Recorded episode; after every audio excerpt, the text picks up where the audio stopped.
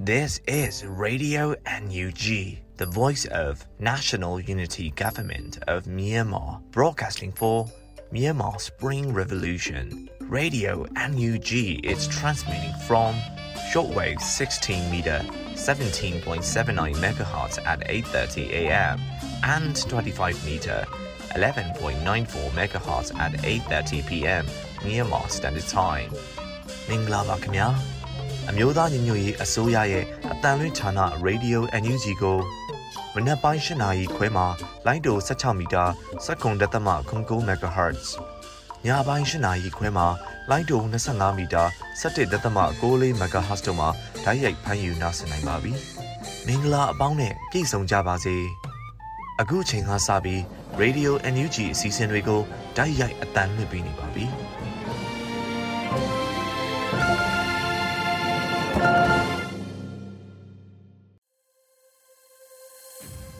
မင်္ဂလာမနက်ခင်းပါခင်ဗျာတောတာရှင်ပေါင်းစစ်အာဏာရှင်တို့ရဲ့အန်ဒီယမဆလို့အခြားသောဘေးအန်ဒီရဲ့တွေ့တွေ့မှလည်းကင်းဝေးနိုင်ကြပါစေလို့ရေဒီယိုအန်ယူဂျီကဆွတောင်းမေတ္တာပို့သလိုက်ပါတယ်ဒီကနေ့အောက်တိုဘာလ17ရက်နေ့မနေ့ပိုင်းအတန်းလွှင့်စီစဉ်များကိုစတင်ဖို့အချိန်ကြာရောက်လာပါပြီပြည်တွင်းသတင်းများကိုစတင်နားဆင်တော်မူကြပါစောတဲလူနေကဖတ်ကြားပါမယ်ခင်ဗျာမင်္ဂလာပါခင်ဗျာခုချိန်ရစပြီး 2023ခုနှစ်အောက်တိုဘာလ17ရက်နေ့မနက်ခင်းပြည်တွင်သတင်းများကိုစတင်တင်ပြပေးပါတော့မယ်ပထမဆုံးအနေနဲ့အကြမ်းဖက်စစ်တပ်ရဲ့လူသားမျိုးနွယ်ပေါ်ကျူးလွန်တဲ့ရာဇဝတ်မှုနဲ့စစ်ရာဇဝတ်မှုများကို NUG ကပြင်းထန်စွာရှုတ်ချပြီးကချင်တိုင်းသားများနဲ့အတူတသားရဲရည်တည်သွားမယ်လို့ဆိုလိုက်တဲ့သတင်းကိုတင်ပြပေးသွားပါမယ်။ အကြမ်းဖက်စစ်တပ်ရဲ့စီးရေးပြစ်မဲ့မဟုတ်သောစစ်ပေးဆောင်စခန်းကိုတိုက်ခိုက်မှုဟာလူသားမျိုးနွယ်ပေါ်ကျူးလွန်တဲ့ရာဇဝတ်မှုနဲ့စစ်ရာဇဝတ်မှုများကိုပြောင်ပြောင်တင်းတင်းကျူးလွန်နေခြင်းဖြစ်တဲ့အတွက်ပြင်းပြထန်ထန်ရှုတ်ချကြောင်းနဲ့ကချင်တိုင်းသားများနဲ့အတူတသားတည်းရက်တည်သွားမယ်လို့အမျိုးသားညီညွတ်ရေးဆိုရကထုတ်ပြန်လိုက်ပါတယ်။ကချင်တိုင်းသားများရဲ့ထိခိုက်ဆုံးရှုံးမှုအပေါ်အမျိုးသားညီညွတ်ရေးဆိုရအနေနဲ့ထပ်တူနာကျင်ခံစားရကထိခိုက်ဆုံးရှုံးသူများအတွက်တရားမျှတမှုပြန်လည်ရယူနိုင်ရေးအတွက်အတူတကွအစမ်းမှုစ조사သွားမယ်လို့လည်းအသိပေးထားပါတယ်။ အော်တိုဘာလ9ရက်နေ့ည7:25မိနစ်ခန့်အချိန်မှာကချင်ပြည်နယ်လိုင်စာမြို့အနီးကမုံလိုက်ခတ်စစ်ပေးဆောင်စခန်းကိုအကြမ်းဖက်စစ်တပ်ကလက်နက်ကြီးလေကြောင်းလုံးနဲ့တပြိုင်နက်အုံပြုပုံကျဲပစ်ခတ်တိုက်ခတ်ခဲ့မှုနဲ့ပတ်သက်လို့ NUG ကထုတ်ပြန်လိုက်တာပါ။ ကနအူရရှိတဲ့သတင်းတွေအရအဲ့ဒီရိုက်ခိုက်မှုကြောင့်စစ်ပေးဆောင်စကန်ကကလေးငယ်73ဦးနဲ့မျိုးသမီးများအပါအဝင်အရက်သားပြည်သူ30ဦးထပ်မံတိတ်ဆုံးခဲ့ပြီးထိခိုက်ဒဏ်ရာရရှိသူ58ဦးထပ်မံရှိခဲ့တယ်လို့ထုတ်ပြန်ချက်မှာဖော်ပြထားပါတယ်။လက်ရှိမှာမြေပြင်ရှာဖွေကယ်ဆယ်ရေးလုပ်ငန်းတွေဆက်လက်လုပ်ဆောင်နေဆဲဖြစ်တဲ့အတွက်တိတ်ဆုံးသူထိခိုက်ဒဏ်ရာရရှိသူတွေအတွက်ပုံမှုများပြားလာနိုင်ကြောင်းနဲ့ဒီတိုက်ခိုက်မှုတန်ကြောင့်စစ်ပေးဆောင်စကန်အပြင်စာတင်ကြောင်းတစ်ကြောင်းမူကြိုကြောင်းတစ်ကြောင်းနဲ့ဖျားကြောင်းတစ်ကြောင်းအရက်သားလူနေအိမ်များစွာပျက်စီးဆုံးရှုံးခဲ့ရကြောင်းသိရှိထားတယ်လို့လည်းပါရှိပါတယ်။ ဒီလောက်ရဟာအစ္စရေးနဲ့ဟာမတ်စ်ရဲ့ပြည်ပခါအပေါ်နိုင်ငံတကာကစိုးရိမ်မှုမြင့်တက်ခါအာယုံဆိုင်နေခြင်းကိုခွင့်ကောင်းယူပြီးအကြံဖတ်စစ်ကောင်စီကလူသားမျိုးနွယ်ပေါ်ကျူးလွန်တဲ့ရာဇဝတ်မှုနဲ့စစ်ရာဇဝတ်မှုများကိုအချိန်ကိုက်ထပ်မံကျူးလွန်လိုက်ခြင်းဖြစ်တယ်လို့လည်းအသိပေးထားပါတယ်။ဒါကြောင့်ဂျမ်ဖတ်စစ်ကောင်စီအနေနဲ့ယခုကဲ့သို့ကျူးလွန်မှုများနဲ့အလားတူကျူးလွန်မှုများထပ်မရှိစေဖို့နိုင်ငံတကာအနေနဲ့ကမ္ဘာကုလသမဂ္ဂဆုံးဖြတ်ချက်အပိုင်2669အတိုင်းအချိန်နဲ့တပြေးညီပြင်းထန်စီရောက်စွာဟန်တာအရေးယူပေးဖို့မြို့သားညီညွတ်ရေးအစိုးရနဲ့အတူထိရောက်စွာပူးပေါင်းပါဝင်ဆောင်ရွက်ဖို့ NUG ကအလေးနက်ထားတိုက်တွန်းတောင်းဆိုလိုက်ပါတယ်။ လိုင်ဇာမြို့အနီးကမုံလိုက်ခက်စေပေးဆောင်စခန်းကိုစစ်တပ်ကလေကြောင်းကနေပစ်ခတ်တပ်ဖြတ်ခဲ့မှုနဲ့ပတ်သက်ပြီးကချင် Human Rights Watch ကလည်းပြင်းပြင်းထန်ထန်ကန့်ကွက်ထားသလိုအကြမ်းဖက်မှုကိုပံ့ပိုးကူညီပေးနေတဲ့အဖွဲ့အစည်းတွေနဲ့လူပုဂ္ဂိုလ်တွေကိုထိထိရောက်ရောက်အရေးယူပေးဖို့နဲ့စစ်ရာဇဝတ်မှုကျူးလွန်နေတဲ့စစ်တပ်ကိုနိုင်ငံတကာခုံရုံးကနေအမြန်ဆုံးအရေးယူဆောင်ရွက်ပေးဖို့တောင်းဆိုထားပါတယ်ခင်ဗျာ။ ဆက်လက်တင်ပြပေးမှာကတော့အကြမ်းဖက်စစ်တပ်ကကျူးလွန်နေတဲ့ရာဇဝတ်မှုများအတွက်တာဝန်ခံမှုရှိစေရေးမဖြစ်မနေလှုံ့ဆော်ရမည်ဖြစ်ပြီးပြည်သူများအတွက်တရားမျှတမှုရရှိရေး CRPH အနေဖြင့်အရေးကြီးသောလုပ်ငန်းစဉ်တစ်ရပ်အဖြစ်သတ်မှတ်ကြိုးပမ်းဆောင်ရွက်သွားမယ့်တည်မဲ့ဖြစ်ပါတယ်။အော်တိုဘာလ9ရက်နေ့ည7:00နာရီခွဲခန့်က အကြမ်းဖက်စစ်တပ်မှကချင်ပြည်နယ်လိုင်ဇာမြို့အနီးရှိမုံလိုက်ခက်စစ်ဆောင်စခန်းကိုပြစ်မှတ်ထားပစ်ခတ်တိုက်ခတ်ခဲ့မှုကြောင့်ကလေးငယ်များနဲ့မျိုးသမီးများအပါအဝင်အရက်သားပြည်သူ30ခန့်သေဆုံးပြီး90ကျော်ထိခိုက်ဒဏ်ရာရရှိခဲ့တဲ့ပြည်ရတဲ့ပတ်သက်ပြီးထုတ်ပြန်ခဲ့တဲ့ကြေညာချက်မှာအခုလိုပြောဆိုခဲ့တာဖြစ်ပါတယ်။အကြမ်းဖက်စစ်တပ်ကအာဏာသိမ်းယူခဲ့တဲ့2021ခုနှစ်ဖေဖော်ဝါရီလ1ရက်နေ့မှစပြီးအရက်သားပြည်သူများစာတင်ကြောင်းများဘာသာရေးအဆောက်အုံများနဲ့လူနေကြေးရွာများနဲ့စစ်ဆောင်စခန်းများကိုလေကြောင်းတိုက်ခိုက်မှုများလက်နက်ကြီးများဖြင့်တိုက်ခိုက်မှုများကိုကျူးလွန်ဆောင်ရွက်နေရရှိတယ်လို့ CRPH ကဆိုထားပါတယ်။စစ်တပ်ကပြုလုပ်တဲ့အကြမ်းဖက်မှုများကြောင့်ပြည်သူ2တန်းကျော်နေရဆွန့်ခွာထွက်ပြေးတင်းရှောင်နေရတဲ့ပြင်ယခုအချိန်ထိပြည်သူ2000ဝဲကျော်မတရားဖမ်းဆီးခံရပြီးအမျိုးသမီးနဲ့ကလေးငယ်များအပါအဝင်ပြည်သူ4000ကျော်ကိုတပ်ဖြတ်ခဲ့ကနေအိမ်8000နီးပါးမိရှုဖျက်ဆီးခဲ့တယ်လို့ထုတ်ပြန်ချက်မှာဖော်ပြထားပါတယ်။ အကြမ်းဖက်စစ်တပ်မှကျူးလွန်လှုံ့ဆော်နေတဲ့လူမဆန်သောအကြမ်းဖက်မှုများကိုနိုင်ငံတကာအတိုင်းအဝန်တွေဖြင့်ထိရောက်သောရေးယူဆောင်ရွက်မှုများဖြင့်သာရပ်တန့်နိုင်မည်ကိုနားလည်လိမ့်မည်ဟုယုံကြည်ကြောင်းဆိုထားပါတယ်။ထို့အပြင်ကုလသမဂ္ဂလုံခြုံရေးကောင်စီပါဝင်နိုင်ငံတကာအတိုင်းအဝန်အနေဖြင့်စစ်ကောင်စီကိုစစ်လက်နက်တင်ပို့ရောင်းချခြင်းဟာအများဆုံးပိတ်ပင်တားဆီးသွားနိုင်ရန်နှင့်ပုံမပြင်းထန်သောအရေးယူပိတ်ဆို့မှုများတိုးမြင့်လှုံ့ဆော်သွားနိုင်ရန်အတွက်ထိထိရောက်ရောက်ပူးပေါင်းဆောင်ရွက်ပေးကြပါရန်နှင့်မြန်မာပြည်သူများအတွက်တရားမျှတမှုဖော်ဆောင်ရေးအတွက်မိမိတို့ထိရောက်သောပံ့ပိုးကူညီမှုများနဲ့အတူလက်တွဲလှုံ့ဆော်ပေးရန်တိုက်တွန်းတောင်းဆိုထားပါတယ်ခင်ဗျာအကြံဖက်စစ်တပ်ဟာပြည်ပြည်ဆိုင်ရာလူသားချင်းဆိုင်ရာစာနာထောက်ထားမှုဥပဒေကိုမထိမဲ့မြင်ပြုလုပ်နေတယ်လို့ဒေါက်တာဝင်းမြတ်ကြီးပြောကြားလိုက်တဲ့သတင်းကိုဆက်လက်တင်ပြပေးသွားပါဦးမယ်။ အကြံဖက်စစ်တပ်ဟာပြည်ပြည်ဆိုင်ရာလူသားချင်းဆိုင်ရာစာနာထောက်ထားမှုဥပဒေ International Humanitarian Law ကိုမထိမဲ့မြင်အချိန်ချင်းပြုလုပ်နေတာဟာအားလုံးကိုစိန်ခေါ်နေတာဖြစ်တယ်လို့ NUG အစိုးရလူသားချင်းစာနာထောက်ထားရေးနဲ့ဘေးရန်ရဲ့ဆရာစီမံခန့်ခွဲရေးဝန်ကြီးဌာနပြည်ထောင်စုဝန်ကြီးဒေါက်တာဝင်းမြတ်ကြီးကအောက်တိုဘာလ10ရက်နေ့မှာပြောကြားလိုက်ပါတယ်။ အကြမ်းဖက်စစ်တပ်ဟာဖျက်အားအလွန်ပြင်းတဲ့လက်နက်များနဲ့ကချင်ပြည်နယ်လိုင်စာမြို့အနီးကစစ်ပေးရှောင်ပြည်သူများနေထိုင်တဲ့မုံလိုက်ခက်စခန်းကိုအော်တိုဘာလ9ရက်ညနေပိုင်းကတိုက်ခိုက်ခဲ့ရမှာကလေးငယ်များအပါအဝင်တိတ်ဆုံးသူ30ဦးနဲ့လူပေါင်း100ကျော်တရားရကြောင်းကနအူးသတင်းများအရာသိရှိထားရပါတယ်။ပြည်သူများကိုစည်ရေးပြတ်မှတ်တဲ့ဘွယ်ရည်ရွယ်တိုက်ခိုက်ပြီးအပြည်ပြည်ဆိုင်ရာလူသားချင်းစာနာထောက်ထားမှုဥပဒေ International Humanitarian Law ကို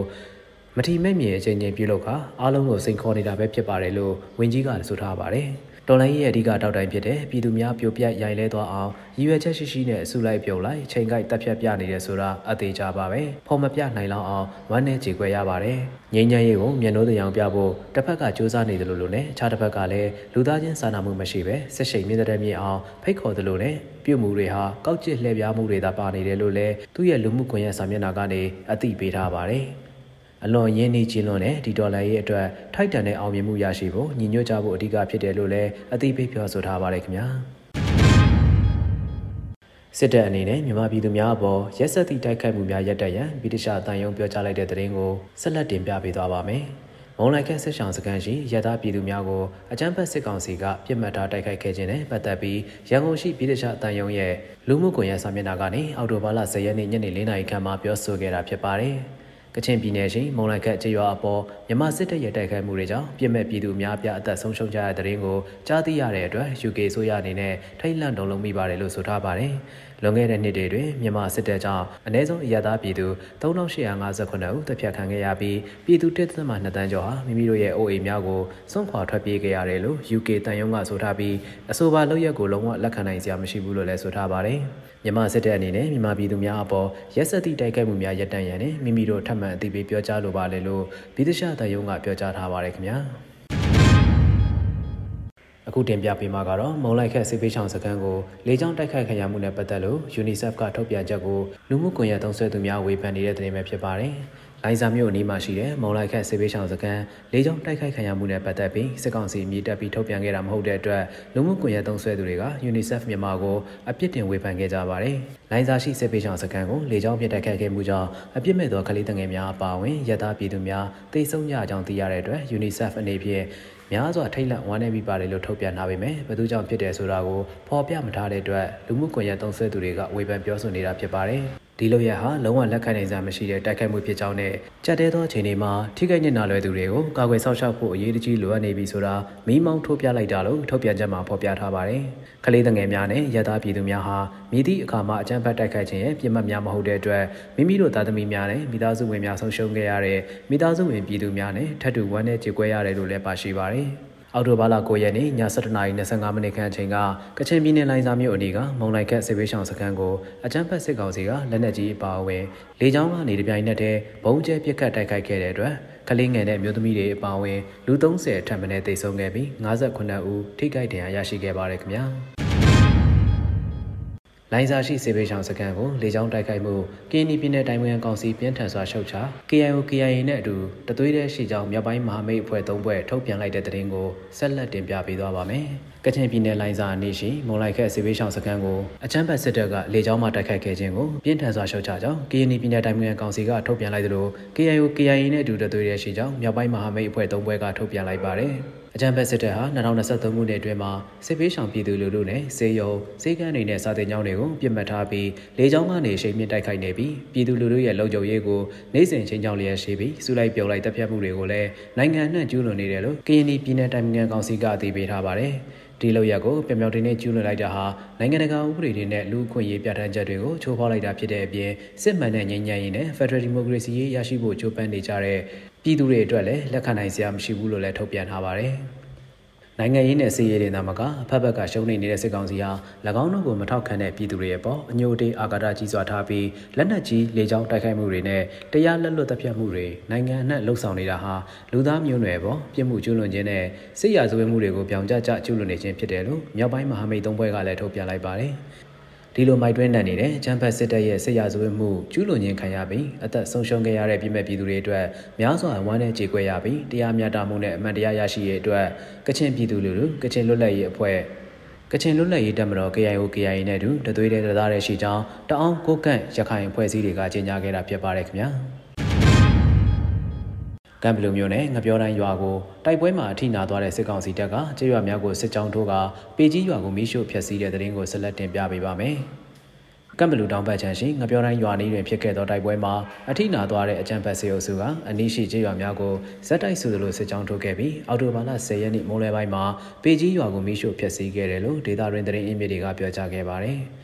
အကြမ်းဖက်စစ်ကောင်စီလက်အောက်ခံ361ချိန်မြန်တရင်နဲ့ပြူစောတိတွေပါဝင်တဲ့အင်အား100ကျော်ခန့်ရှိတဲ့စစ်ကြောင်းကလက်နက်ကြီးလက်နက်ငယ်တွေနဲ့ပစ်ခတ်ခဲ့ပြီးမိုးလွဲ3:45မိနစ်ခန့်မှာမိရှို့ဖျက်ဆီးခဲ့တာလို့ဆိုပါတယ်။ပေကြီးရွာကိုမိရှို့ဖျက်ဆီးခဲ့တဲ့ကျန်းဖက်စေအုပ်စုဟာအော်တိုဘာလ9ရက်နေ့ကငပြောတိုင်းရွာကိုစစ်ကူရောက်လာတဲ့စစ်ကြောင်းဖြစ်တယ်လို့လည်းသိရှိရပါတယ်။ပေကြီးရွာဟာငပြောတိုင်းရွာနဲ့6မိုင်ခန့်ကွာရွှေဘုံမြကြီးနားဗျူဟာလမ်းပိုင်းမှာရှိပြီးစစ်တပ်ကစစ်ကြောင်းထိုးနေတဲ့အတွက်ဒီလမ်းပိုင်းကိုအုံပြုသွားလာနေတဲ့ပြည်သူတွေအတွက်ခက်ခဲကြုံနေရတယ်လို့ဆိုပါတယ်။ ပေကြီးရွာဟာစစ်ကောင်စီတပ်ရဲ့မီးရှို့ဖျက်ဆီးခြင်းကိုပထမဆုံးချိန်ခံရတာဖြစ်ပြီးပျက်စီးဆုံးရှုံးမှုကိုတော့မသိရသေးဘူးလို့လည်းသိရှိရပါတယ်။အဲ့ဒီစစ်ကြောင်းဟာအော်တိုဘာလ6ရက်နေ့ကလည်းအင်းလယ်ကြီးရွာကစစ်ပေးဆောင်တဲတိုင်းမှာဆက်ဆောင်နေတဲ့အသက်16နှစ်အရွယ်လူငယ်တအုပ်နဲ့အသက်30အရွယ်မျိုးသား2ဦးကိုဖမ်းဆီးခေါ်ဆောင်သွားခဲ့ရမှာအသက်16နှစ်အရွယ်လူငယ်ကိုပြန်လွှတ်ခဲ့ပေမဲ့ကျန်တဲ့ဦးကိုတော့ငါတို့ရွာအနီးကတုတ်တန်မှာရရဆက်ဆက်တပ်ဖြတ်ခဲ့တဲ့စစ်ကြောင်းဖြစ်တယ်လို့လည်းကျွန်းလာကမ်ဘလူတက်ကြွလှုပ်ရှားသူများအဖွဲ့ကအသိပေးထားပါတယ်ခင်ဗျာ။ အမေရိကန်ပြည်ထောင်စုမှာຫນွေဦးတော်လှန်ရေးရန်ပုံငွေစည်းရောင်းပွဲနဲ့78 UN General Assembly Credential Campaign ပြုလုပ်ခဲ့တဲ့တဲ့ရင်ကိုဆက်လက်တင်ပြပေးသွားပါဦးမယ်။အမေရိကန်ပြည်ထောင်စုအင်ဒီယာနာပြည်နယ်အင်ဒီယာနာပိုလစ်မြို့တရဏမြေစုကျောင်းတိုင်းမှာຫນွေဦးတော်လှန်ရေးရန်ပုံငွေစည်းရောင်းပွဲနဲ့78 UN General Assembly Credential Campaign ပြုလုပ်ခဲ့တယ်လို့သိရှိရပါတယ်။ အော်တိုဘာလ10ရက်နေ့ကပြုလုပ်ခဲ့တဲ့ဆိုပါပွဲကိုပြည်ထောင်စုလွှတ်တော်ကိုစားပြုကော်မတီ CRPH ဥက္ကဋ္ဌဦးအောင်ချင်းညော့ဒေါက်တာတင့်ဆွေကြပြဆရာအောင်ဝေးတို့တက်ရောက်မှစကားပြောကြားခဲ့ပါတယ်။အခမ်းအနားမှာပြည်ပရောက်မြန်မာပြည်ပွားတိုင်းသားလူမျိုးပေါင်းစုံတက်ရောက်ပါဝင်ခဲ့ကြပြီးတော်လန်ကြပြရွတ်ဆိုခြင်းတော်လန်ရေးသချင်းတီဆိုခြင်းနဲ့ Our Ambassador Our Voice ငါတို့တန်အမတ်ငါတို့အတန်ကြွကြော်တန်တို့နဲ့အောင်မြင်စွာပြုလုပ်ခဲ့ကြပါတယ်ခင်ဗျာ။အခုတင်ပြခဲ့တဲ့သတင်းတွေကိုတော့ Radio NUG သတင်းတောက်ကိုခန့်နဲ့မင်းစစ်သွေးတို့ကပေးပို့ထားတာဖြစ်ပါတယ်ကျွန်တော်စောတဲလူနေပါ။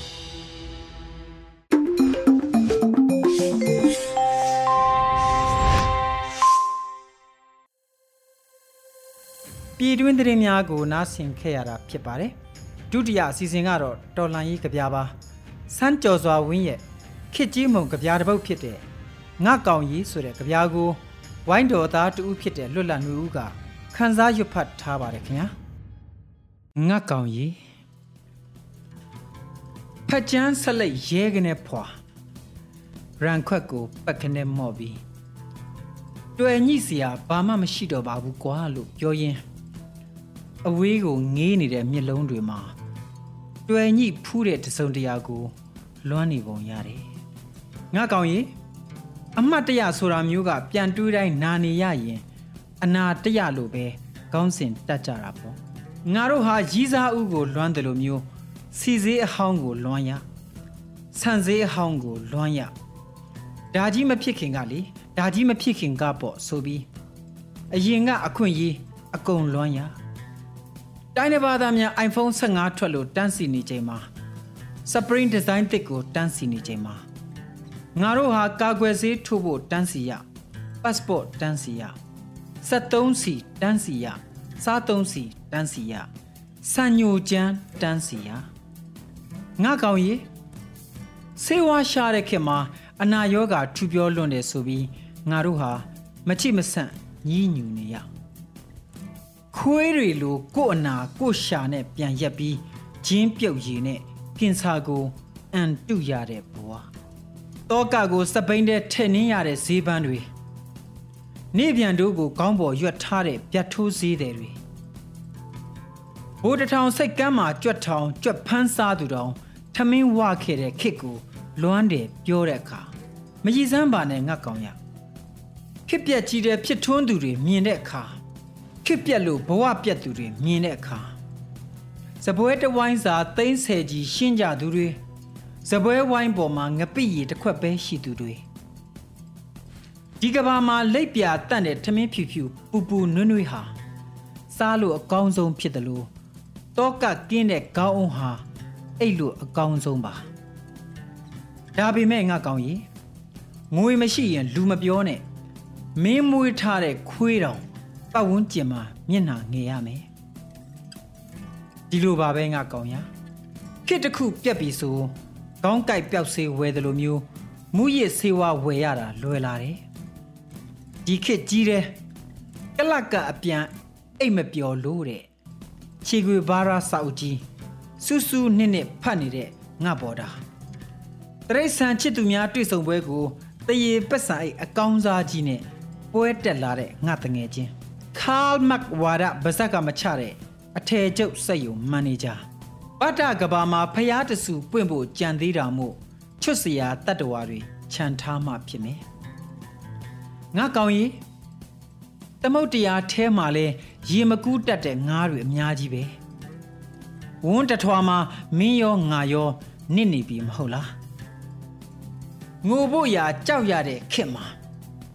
ရီဖို့ရာ ရှက်ရကောင်းမှန်းသိရင်အနှဲငယ်လူပီတတာပေါ့ဒီကဘာမှာလူအဖွဲ့အစည်းကိုအနှွေးတက်ပေးဖို့ရာနှလုံးသားထက်တင့်တော်တဲ့မီလင်းဖို့မရှိပါဘူးစမ်းကြော်စွာဝင်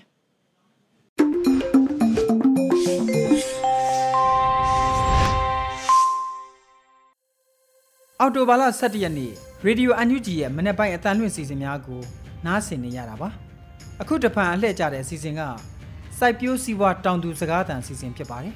။ပဲခူးရေပေးကြောက်စပားတရားဒီစာအကျိုးအမြတ်ဆုံးရှုံးနစ်နာဖို့ရှိနေဆိုတဲ့ခေါင်းစဉ်နဲ့စိုက်ပျိုးစီးပွားအကြောင်းအရာများကိုအဲရီကတင်ဆက်ထားတာနားဆင်နိုင်ကြပါပြီခင်ဗျာ။ရေဒီယိုအန်ယူဂျီကိုနားတော်တာဆင်နေကြတဲ့ပရိသတ်များရှင်အခုတင်ဆက်ပေးမယ့်အစီအစဉ်ကတော့စိုက်ပျိုးစီးပွားတောင်သူစကားသံအစီအစဉ်ဖြစ်ပါတယ်။ ပဲခူးရေဘေးမှာနစ်မြုပ်သွားတဲ့စပားခင်းတွေကိုစရင်ကောက်ယူဖို့လယ်သမားတွေမှာအခက်အခဲရှိနေပြီးစပားတရားသီးစာအကျိုးမြတ်ဆုံးရှုံးနစ်နာသွားဖို့ရှိနေပါတယ်။ဒီသတင်းကိုမကြေးမုံကပေးပို့ထားပါတယ်ရှင်။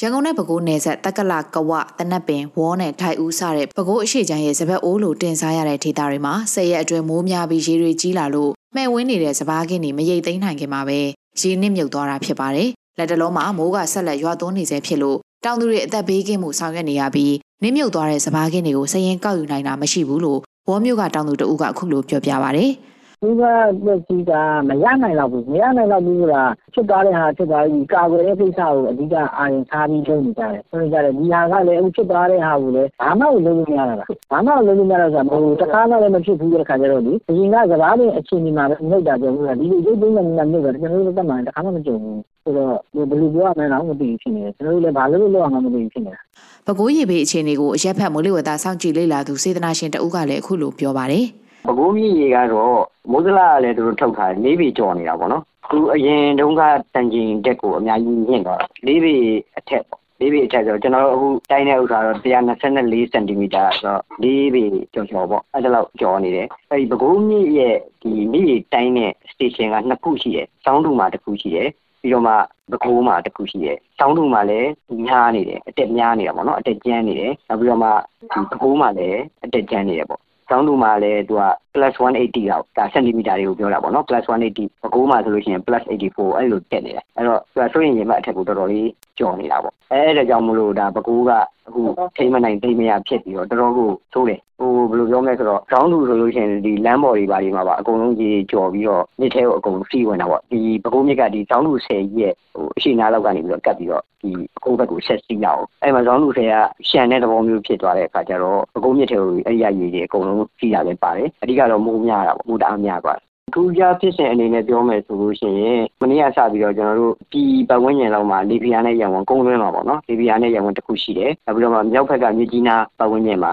ကချင်ပြည်နယ်ထဲမှာပေါ့အဲ့ဒီမှာလည်းလီဘီယာနဲ့ရန်ကုန်တစ်ခုရှိတယ်ကုန်းသွင်းပေါ့သူကအများကြီးအပြင်းပြင်းတော့မဟုတ်ဘူးပြီးတော့မှကျွန်တော်တို့လီဘီယာနဲ့ဂျန်ခွန်လို့ခေါ်တာပေါ့ကျွန်တော်တို့ခေါ်တာ trout လို့ခေါ်တာပေါ့နော် TROUGH ပေါ့ဒီ trout ကလည်းဒီမြန်မာနိုင်ငံတောင်ပိုင်းကရင်ပြည်နယ်မွန်ပြည်နယ်အဲ့ဒီကနေပြီးတော့ထိုင်းနိုင်ငံဖြတ်ဖြတ်ပြီးတော့ပြီးတော့မှလာအိုကမ္ဘောဒီးယားဗီယက်နမ်အထိပေါ့အဲ့ဒီ trout line ကြီးကသူကတောက်လျှောက်ရှိနေတယ် အဲအဲ့ဒါကိုကျွန်တော်တို့ monsoon trout လို့လည်းခေါ်တယ်မုတ်တုံအာမြင့်ပေါ့မုတ်တုံလေးဦးမြင့်လို့လည်းခေါ်တာပေါ့နော်အဲ့ဒီအာကြီးပဲရှိနေတဲ့အတွက်ဒါမုတ်တုံကအာအတင်တင်အာကောင်းအဲ့ဒါလိုဖြစ်တယ်ဘူများတယ်ပေါ့အဲ့ဒီအခြေအနေကအဲ့ဒါစဖြစ်တာပါပဲဖြစ်ပြီးတော့ကျွန်တော်တောက်လျှောက်ပါပဲလီဗီယာနဲ့ဂျန်ကွန်စဖြစ်ပါပြီဆိုကြဲကွာဒါမိုးရေများတော့မယ်ဆိုတဲ့ဥစ္စာကျွန်တော်ပို့စီလည်းတောက်လျှောက်တင်ပေးနေပါတယ်ဗျလက်တလုံးမှာစပားတွေရေနစ်မြုပ်လို့နောက်ဆက်တွဲပျက်စီးဆုံးရှုံးသွားနိုင်တဲ့အခြေအနေကိုဒိုင်ဦးမြို့နယ်ကစံစပားလုပ်ငန်းလုပ်ကိုင်သူတဦးကအခုလိုပြောပြပါဗျာ။ ဘကိုးရှိချမ်းကတော့ ဝေါ်တို့ ကဝါတို့ဒီဒိုင်ဦးတို့ ဘာတို့ကတော့ တော်တော်အချိန်နေဆိုးရည်။ဘာလို့ဆိုမြည်ရလဲ၆တော့ အဲ့လိုပေါ့။တခါမှ မကြုံဘူးတဲ့ရေကိုဒီမှာအဲ့ကြတော့သုံးဆုံးမှုတွေကတော့ တော်ကြီးမယ်တဲ့။80လုံးထွက်မဲ့ဟာ40အောက်ရောက်သွားမှာပဲ။ဒီရတဲ့ရုပ်ပြစက်ကတွေကအလဲဆိုရင် အခု3သိန်း3000တွေပါတယ်3သိန်း2000တွေ အဲ့လိုမှ ရိတ်မယ်ပါညာကြောတော့လေဓမ္မအသေး40ဆိုရင်မှတိတ်ပုတ်ပုတ်ပွားနေတဲ့တိတ်ဆိုးတဲ့စဘာတွေဆိုရင် ဝယ်တဲ့ ဝယ်လက်ကလည်းနိုင်ကုန်က9သိန်း6သိန်းနဲ့ သူကသူတို့ကဝယ်ရတော့တယ်ဝယ်ရတော့အဲ့ဒါ6ခံမှနဲ့အခုအချိုလက်ကလည်းချိုလက်ကတချို့က35တော့ရေမှတ်တွေလိုဖြစ်နေတော့တနေ့မှတပေါင်းတော့မရဘူးအဲ့လိုအဲ့လိုကြံ့ကြံ့မှုတွေရတယ်ဖြစ်တယ်အခက်ခဲကတော့အကုန်ရှိတယ်အခုမျိုးရတဲ့လေရိတ်နဲ့ရိတ်ခပေးတာနဲ့တင်ယူတဲ့တင်ယူချက်ချက်နဲ့ပါနဲ့ဆိုတော့လည်းမဒီတိုင်းမရိတ်တာကားတာမှာပေါ့။ဒါကဘာလို့ရမှာ80လုံးတော့မဲ့ဟာမနကရရင် 40 30အောက်ထဲမှာပဲရအောင်ပဲခူးတိုင်းဒေသကြီးမှာစုစုပေါင်းစပားဆိုင်ဧက3တန်းနီးပါးရှိပြီးလက်တလောရေကြီးနှိမ့်မြုပ်တဲ့အခြေအနေမှာစပားအများဆုံးထွက်တဲ့ပဲခူးမြို့နယ်ပတ်ဝန်းကျင်ဒေသ9ခုမှာတော့စပားတွေမရိတ်သိမ်းခင်ရေနှိမ့်မြုပ်နေတာဖြစ်ပါတယ်။အဲဒီဒေသကတောင်သူတွေမှာတော့စပားစိုက်ပျိုးစရိတ်တွေဆုံးရှုံးရတော့မယ့်အပြင်ချင်းငါစိုက်ပျိုးရသူတွေမှာလည်းစိုက်ပျိုးစရိတ်အကျွေးတွေနဲ့အခက်အခဲတွေရှိလာအောင်မှလည်းဖြစ်ပါတယ်။အခုတင်ဆက်ပေးခဲ့တဲ့မြေပြင်သတင်းအကြောင်းအရာတွေကိုတော့ Radio NUG သတင်းတောင်မတ်ကြီးမုံကပေးပို့ထားတာဖြစ်ပါတယ်ရှင်။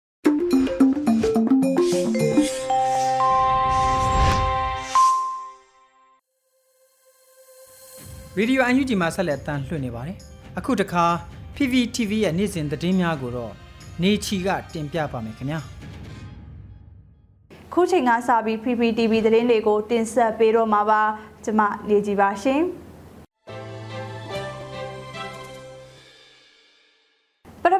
တင်ဆက်ပေးခြင်းတဲ့သတင်းကတော့ຫນွေဦးတော်လန်ရေးကာလအတွင်းကြာဆုံးခဲ့ရသူပေါင်း4143ဦးထိရှိနေခဲ့ပြီလို့ AAPP ထုတ်ပြန်လိုက်တဲ့သတင်းပါ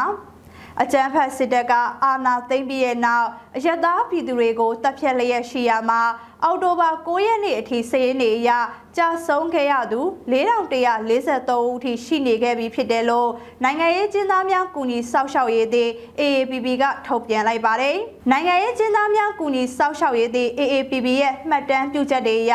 2021ခုနှစ်ဖေဖော်ဝါရီလ1ရက်နေ့ကနေ2023ခုနှစ်အောက်တိုဘာ9ရက်နေ့အထိဖမ်းဆီးချုပ်နှောင်ခြင်းခံထားရသူစုစုပေါင်း19689ဦးရှိနေပြီး၎င်းတို့နဲ့မှာ9695ဦးမှာထောင်ဒဏ်ချမှတ်ခြင်းခံထားရတယ်လို့ဖော်ပြထားပါတယ်။ပြည်ဒဏ်ချမှတ်ခံရသူတွေထဲမှာ133ဦးကသေဒဏ်ချမှတ်ခြင်းခံထားရတာပါ။ မြက်ကွက်သေးတန်းချမှတ်ခြင်းခံထားရသူ43ဦးအပါအဝင်119ဦးမှာမြက်ကွက်ပြည်တံချမှတ်ခြင်းခံထားရတယ်လို့ဆိုပါတယ်။အဲ့ဒီအစင်းတွေရသေတံချမှတ်ခံထားရသူစုစုပေါင်း156ဦးရှိပြီဖြစ်တယ်လို့လည်းဖော်ပြထားပါတယ်။အာမခံနဲ့လွတ်မြောက်လာသူက24ဦးရှိပြီးပြန်လည်လွတ်မြောက်လာတဲ့အရေအတွက်က9589ဦးရှိတယ်လို့ဆိုပါတယ်။ ဖော်ပြပါကိန်းဂဏန်းအရေအတွက်တွေက AAPP မှကောက်ယူထားတဲ့အရေးအတွက်တွေဖြစ်ပြီးမြေပြင်မှာဖြစ်ပွားနေတဲ့ချက်လက်နဲ့ကိန်းဂဏန်းအရေးအတွက်တွေကယခုထက်ပုံမများပြားနိုင်တယ်လို့ဖော်ပြထားသလိုအချက်လက်တွေထပ်မံကောက်ယူရရှိပါကဆက်လက်ထဲသွင်းဖော်ပြသွားမယ်လို့ဆိုပါတယ်အရက်ဖက်ဖွဲ့စည်းများရဲ့ခေါင်းဆောင်တွေအရက်သားတွေ တက်ကြွလှုပ်ရှားသူတွေသတင်းသမားတွေ CDN လှုပ်ရှားနေတဲ့ဝန်ထမ်းတွေစတဲ့နယ်ပယ်သီးသီးကမြည်သူမစိုးဖန်စီထိန်သိမ်းတရားစွဲဆိုခြင်းခံထားရတာတွေနဲ့နေဦးတော်လှန်ရေးကာလအတွင်းကြာဆုံးခဲ့ရသူတွေရဲ့အချက်လက်တွေကိုသိရှိပါက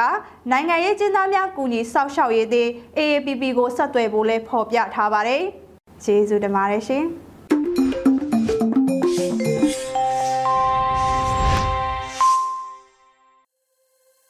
အမျိုးသားညွရေးဆိုရဆက်သွယ်ရေးတည်င်းအချက်လက်နဲ့ဤတင်ညာဝန်ကြီးဌာနရေဒီယို UNG ရဲ့မနေ့ပိုင်းအတန်လွှင့်စီစဉ်များဖြစ်ပါတယ်။အခုတခါနောက်ဆုံးအနေနဲ့တော်လိုင်းတီဂီတာတစ်ပုဒ်ကိုထုတ်လွှင့်ပါမယ်။တားဖြိုရေးသားပြီးတားဖြိုနဲ့အဖွဲ့စုပေါင်းတည်ဆိုထားကြတဲ့ကျဲလို့အမည်ရတဲ့တော်လိုင်းတီးသချင်းကိုနားဆင်ရပါတော့မယ်ခင်ဗျာ။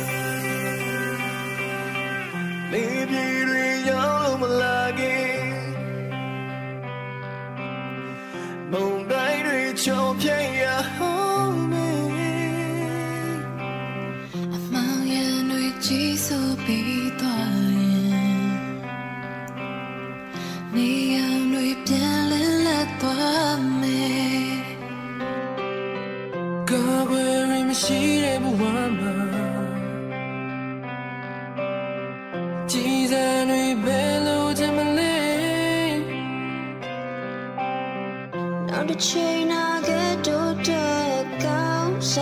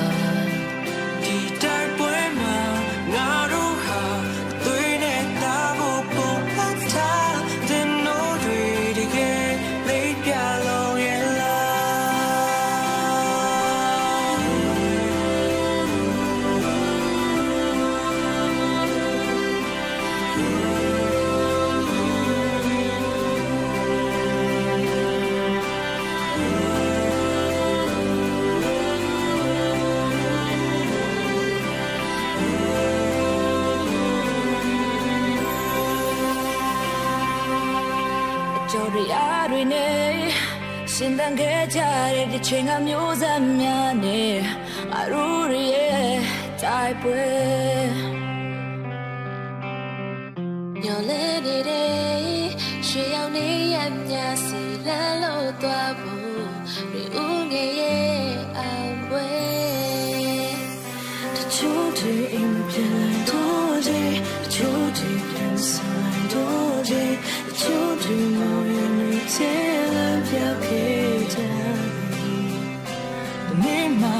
ရာရာအောင်မြင်